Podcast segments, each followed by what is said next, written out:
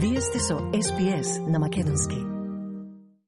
Посетата на и разговорите на еврокомесарот Оливер Вархеи со високи државни представници во земјава помина без никакви најави за неговите средби, но и без изјави за медиумите. Тој по средбата со премиерот Димитар Ковачевски и вице-премиерот за евроинтеграција Бојан Маричич одби да даде изјава за новинарите кои го чекаа пред влада. Mr. Varhey, what, what message you bring from... Uh, Good morning. Good morning. statement for the media, please? No, thank you. Затоа на Твитер Вархеи напиша Ја почнав мојата посета на Македонија со премиерот Ковачевски. Посветени сме да продолжат нашите напори за почеток на преговорите до крај на француското председателство во клучен момент. Македонија е дел од ЕУ. Нема време за губење за да се забрзаат процедурите. За средбата владата испратија сообштение во кое се наведува дека било разговарано за војната во Украина и за европерспективите на регионот. Заеднички е констатирано дека европските интеграции на Македонија и на регионот се потреба на државите во регионални рамки, но и на самата Европска унија, се вели во сообштението.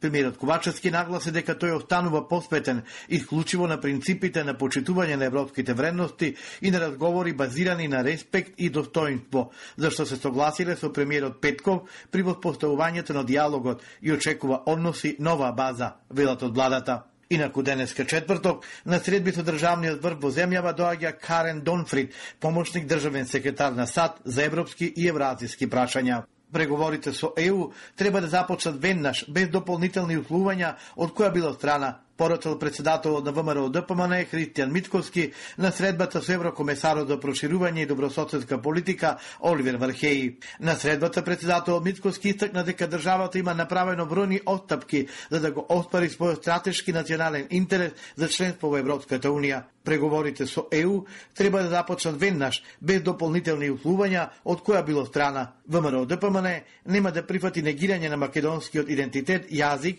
историски континуитет и посебност, се наведува во сообштението од пресслужбата на ВМРО ДПМН. Поранешниот министер за надворешни работи Никола Димитров на Сител истакна дека е невообичаено тоа што еврокомесарот Вархеи не дал изјава за јавноста и медиумите.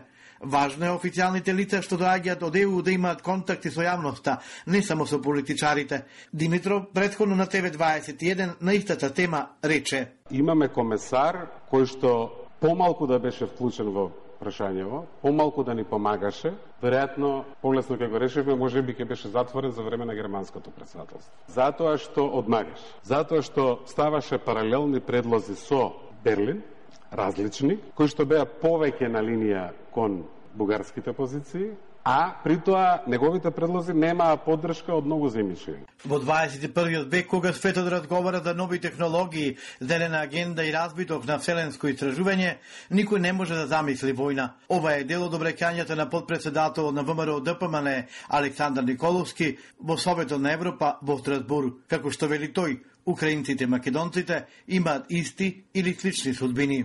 The denial of the Ukrainian language and the thesis that the Ukrainian nation are a product of the Lenin and the communists is similar to the thesis of denying of the Macedonian nation and language and the thesis that the Macedonians are a product of Tito and the communist Comintern. The disputing and humiliation of both nations and languages has many symbolism and similarities.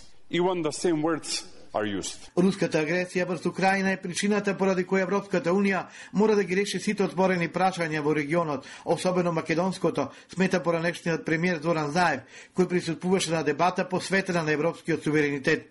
Поред него европската идеја не смее да остане уценета од национализмот, ниту пак унијата да дозволи национализмот да става вето врз слободата. Европската Унија мора да действува во собствена корист, во корист на европската идеја, која по дефиниција е либерална, отворена, широка. Европската идеја не смее да остане уценета од национализмот.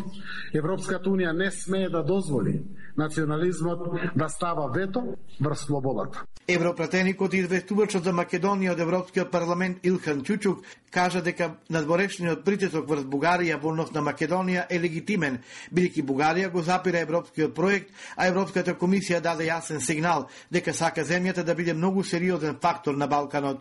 Тој посочи дека е опасно да се предлага разделување на Македонија и Албанија, бидејќи тешко кој ќе им се објасни на партнерите во Скопје зошто треба да се случи тоа и да биде пуштена Албанија да продолжи сама, а не заедно со Македонија. Поранешниот бугарски председател Георги Прванов изјави дека рамкомната позиција прифатена од властите на Софија е нефункционален документ со многу содржини за внатрешна употреба, јави дописникот на Мија од Софија. Истовремено тој коментира дека договорот меѓу Бугарија и Македонија од 2017-та создал стабилен амбиент, дека ги обновува односите меѓу Софија и Скопје, но во споредба со договорот меѓу Скопје и Атина, тој со Софија е неплоден.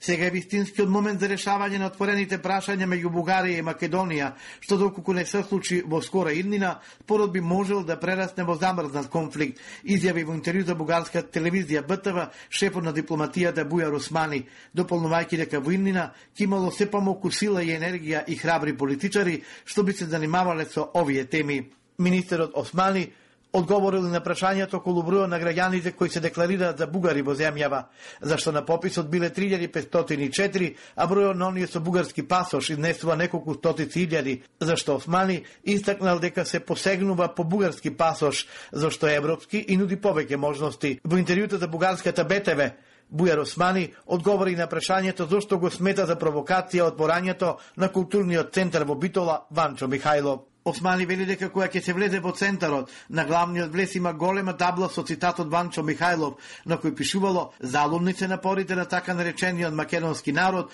да го лаже светот. Цитирам, ова е голема навреда за нашите граѓани, ова е голема навреда за луѓето што ги застапувам, ова кај нас се смета за провокација. Не верувам дека бугарските власти дојдоа поради оваа порака на Михајло, која беше поставена на влезот од клубот.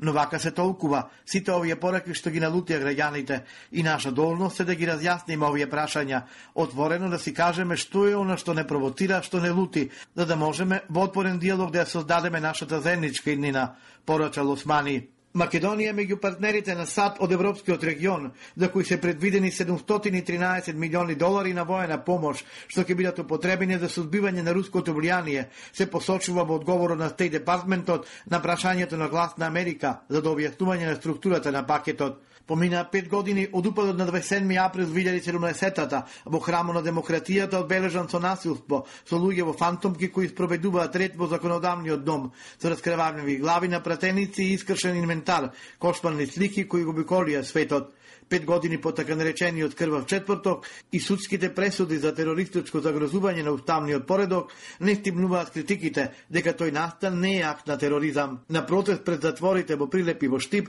со пораки патриотизмо не е тероризам и слобода за уставобранителите, повика Унијата на ветерани на ВМРО ДПМН и партискиот патриотски институт Гоце Делчев, кои завчера објавија и декларација за правда и слобода за политичките осуденици во Македонија.